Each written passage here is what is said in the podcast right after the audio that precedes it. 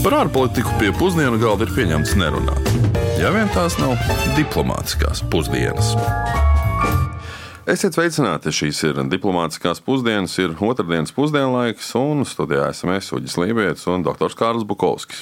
Un šis ir redzējums par Nigērijas Federālo republiku, nu, ko pieteicām jau pāris mēnešus atpakaļ, kad runājām par tās kaimiņu valsts, par Nigērijas republiku, un tad šodien par Nigēriju.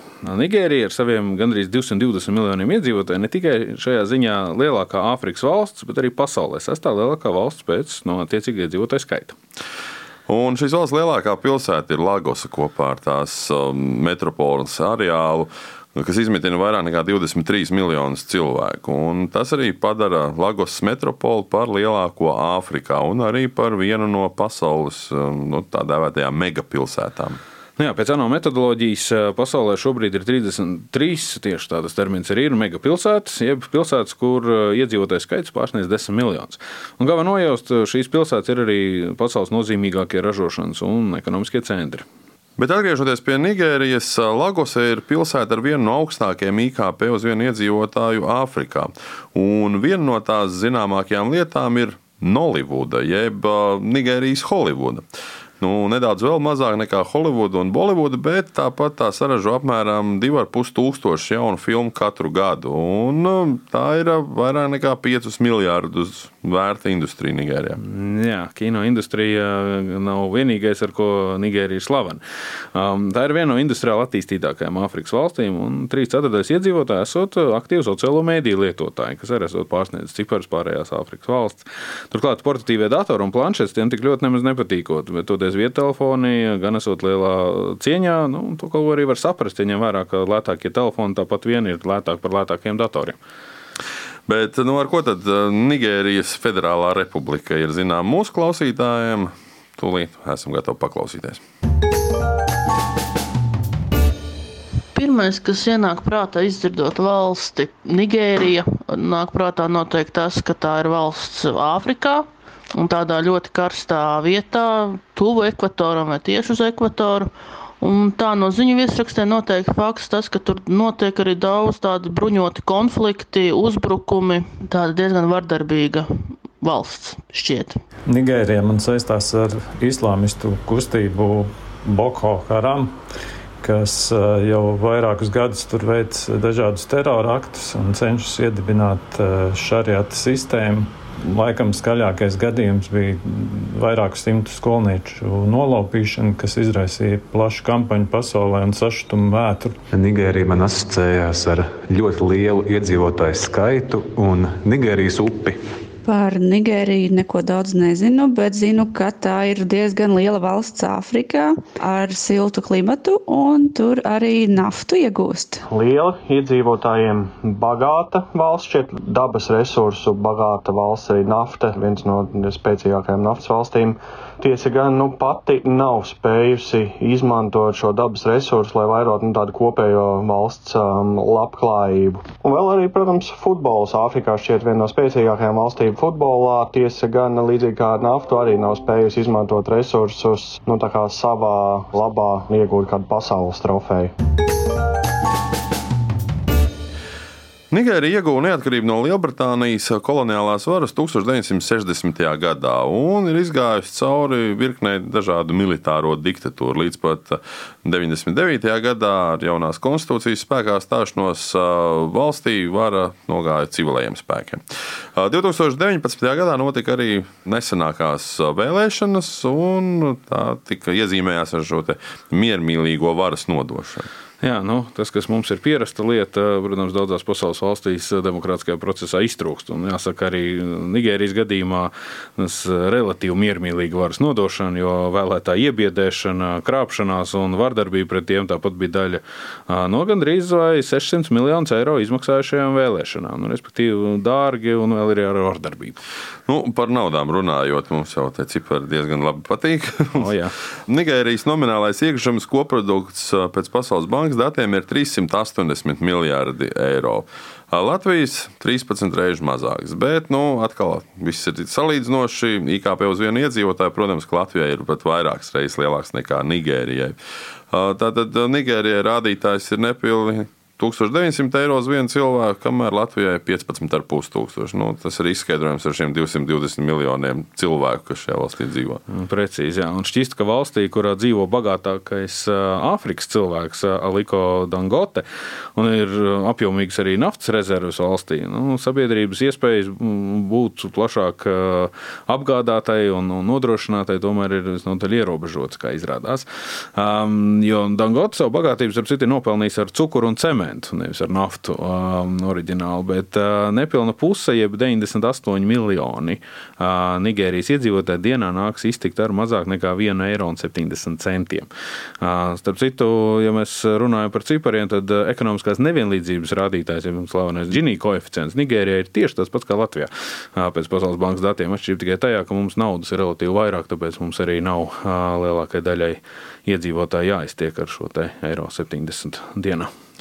Nu, bez naftas un dabasgāzes Nigērijā, nu, kur, protams, ir arī OPEC dalībvalsts, tiek ražots arī iegūts arī ogles, alva, kolumbīts, gumijas produkti, minētais cements un arī, protams, dažādi tekstilu izstrādājumu, koku materiālu un daudz citu produktu.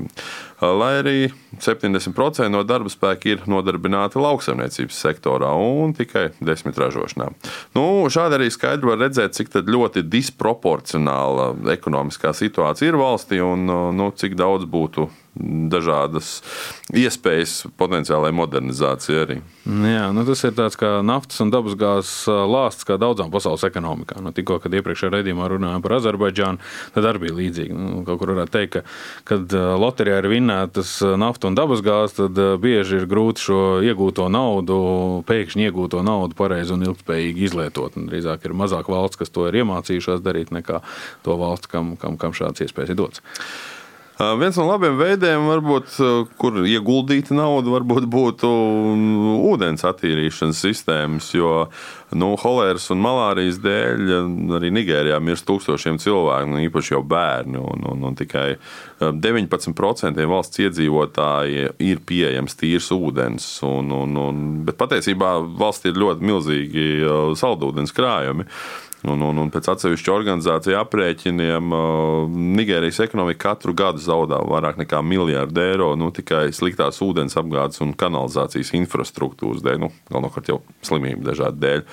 Nu, kā piemēru varētu minēt to, ka nu, 32 miljoniem nigēriešu, tas ir no 220, tā ir vairāk septītā daļa nav pieejamas tolets, un, un, un visas dabiskās vajadzības tiek nokārtotas brīvā dabā. Tas, protams, nonāk ūdens tilpnēs. Un šeit man paralēls ar Mjānumu, kur mm. tieši tas bija, ka Eiropas Savienība ar naudu mācīja bērniem, kā mazgāt rokas, slaucīt dibenu un mm. iet uz to. Mm. Mm. Kādiem žēl ir realitāte.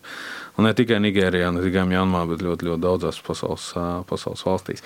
Bet pievēršoties citai tēmai, Nigērijas plato štatā aktuālākā problēma ir konflikts starp zemniekiem un lopkopiem. Nu, vardarbību konfliktu, respektīvi musulmaņu fermeri no Felom reģiona un kristiešu fermeri no Berom un Irigve reģioniem ilgstoši atrodas vardarbīgā konfliktā, kas tiek skaidrots nevis kā etniskie vai reliģiskie konflikti, bet gan patiesībā iemesls tam īstais ir nabadzība, ko mēs jau runājām, bet arī ganību zemju trūkums un, un klimata pārmaiņu dēļ un urbanizācijas dēļ, ka vienkārši teiksim, tā, vieniem un otriem saimniekiem nepietiek vietas, un tāpēc viņi ir sākuši viens ar otru izreikināties. Jā, nu runāja par to, ka lopkopiem trūkst zemes ganībām. Šādā situācijā viņi sāk sūtīt savus dzīvnieku ganāmpulkus ganīties zemkopju iekoptojos laukos. Nu, arī nacionālajos parkos, nu, pat īpaši saglabātos un aizsargātos mežos. Nu, nu, parasti tas noved pie tā, ka otra puse atriebjās, un tas jau atkal izraisa šādu sniega bumbas efektu. Ražas tiek iznīcinātas, atbildes seko un izceļas konflikti starp abām pusēm. Un tas varētu likties, nu, kas tur gluži ka zemnieks pret lopkopi mm. cīnīsies, bet patiesībā šādi konflikti turpinās jau vairāk nekā 20 gadus, un tajā ir dzīvību zaudējuši aptuveni 60 tūkstoši cilvēku. Bet aptuveni 300 tūkstoši cilvēku ir bijuši spiest doties bēgļu gaitās. Bet par to, kādus tad, drošības izaicinājumus rada šāds ielgušais konflikts un kā uz to reaģē arī Nigērijas valdība, par to vairāk stāsta politikas zinātņu profesors Femi Otobanjo. First and foremost, uh, we must admit that we have uh. Pirmkārt un galvenokārt mums ir jāatzīst, ka mūsu drošības izaicinājums patiesībā jau ir nopietna drošības krīze. Cilvēki vairs nevar droši pārvietoties, nebaidoties par iespējamo nolaupīšanu vai nogalināšanu. Zemkopji vairs nevar doties uz savām fermām, nebaidoties par nolaupīšanu vai noslapkavošanu. Sabiedrībā valda sajūta, ka tie, kuri pastrādā šos noziegumus, nekad netiks saukti pie atbildības. Un, manuprāt, mums šī narratīva ir jāmaina un jāpaliek tieši pie nozieguma konteksta. Mums ir šie noziedznieki, kurus daudzi sauc vienkārši par lopkopiem un kuri slepkavo, nolaupa un izvaro. Taču mums ir jābūt uzmanīgiem ar izmantotajiem terminiem, jo šis nav etnisks konflikts starp Fulanī grupu un citām. Mums ir konflikts, ko ir uzkurinājuši atsevišķi Fulanī nemiernieki. Un, kad mēs runājam par lopkopiem, mēs nerunājam tikai par Fulanī lopkopiem. Mēs faktiski stigmatizējam visus lopkopjus. Taču katrā Nigērijas reģionā joprojām ir daudz ļoti godīgu un miermīlīgu lopkopju, kuri nodarbojas tikai ar ganāmpulku audzēšanu un pārdošanu. Pēdējā laikā arvien vairāk var novērot, ka valstī tiek ievesti nemierniekiem lojāli kaujinieki no citām valstīm, kuriem nav nekādu personisku jūtu par Nigēriju un kuriem nav iebildumu nogalināt. Mums būtu vairāk jāvēršas pret šādiem cilvēkiem. Taču tam ir vajadzīga spēcīga valdība, stratēģija, izlūkošana, plānošana. Tā vietā dažos no visvairāk skartajiem reģioniem rodas iespējas, ka valdība tikai noskatās tā vietā, lai reaģētu. Būtu nepieciešams reāls plāns cīņai pret šādiem noziedzniekiem, taču tāda nav. Turklāt daudzas lietas vairs nespēja atrisināt policija, tāpēc tiek piesaistīta armija.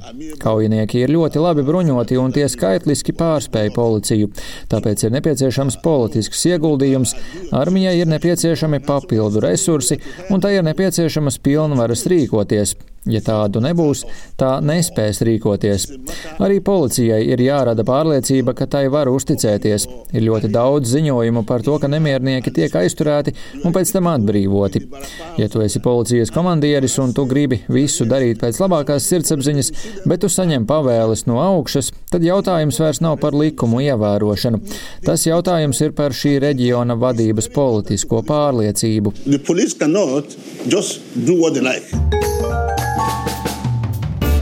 Rezumējot, ir jāsacina, ka Nigērijas izaicinājumi ir nu, visai ekstrēmi.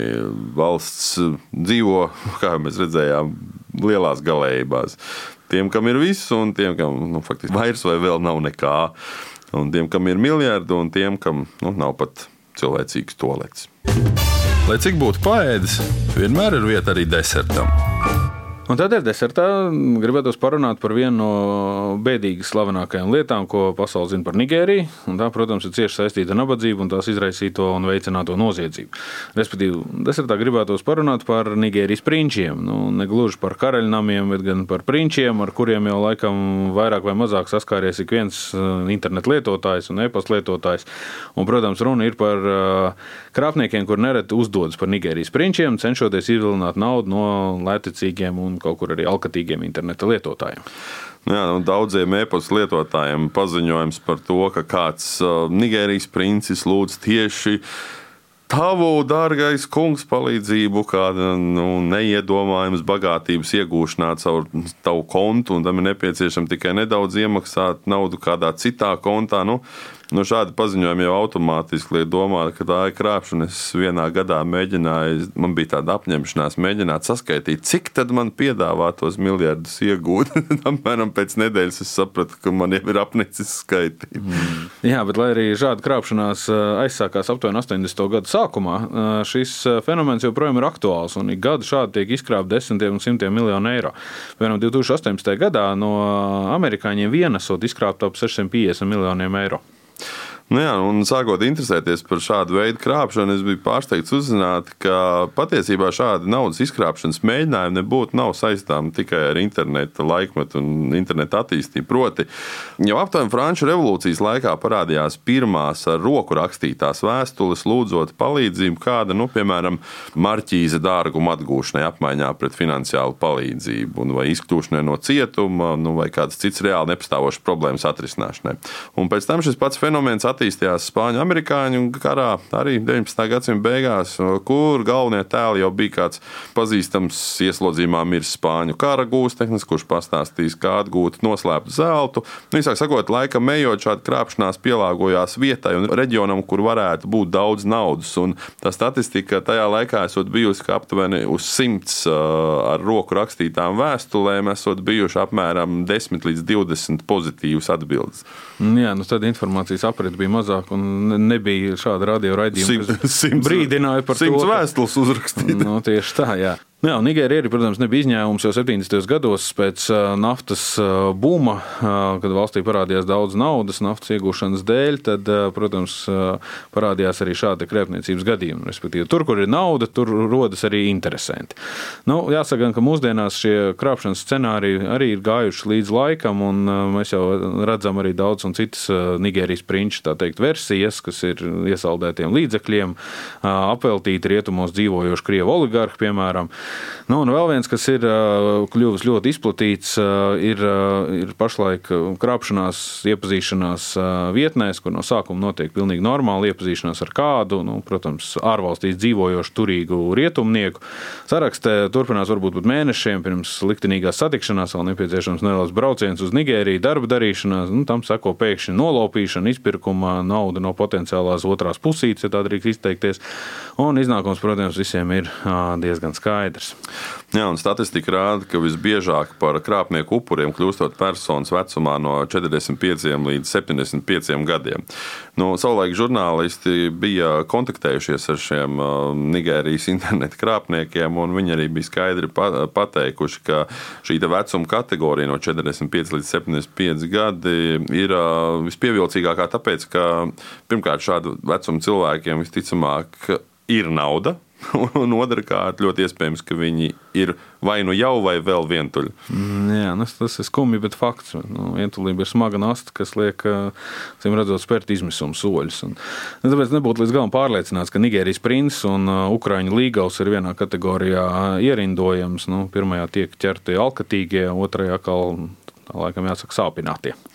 Jā, tam arī varētu piekrist. Bet um, šīs dienas raidījums līdz ar to arī ir noslēdzies. Atgādināšu, ka klausīties mūs varat gan Latvijas radio arhīvā, gan portālā LSMLV, gan dažādos mūzikas straumēšanas uh, vietnēs, uh, podkāstu formātā.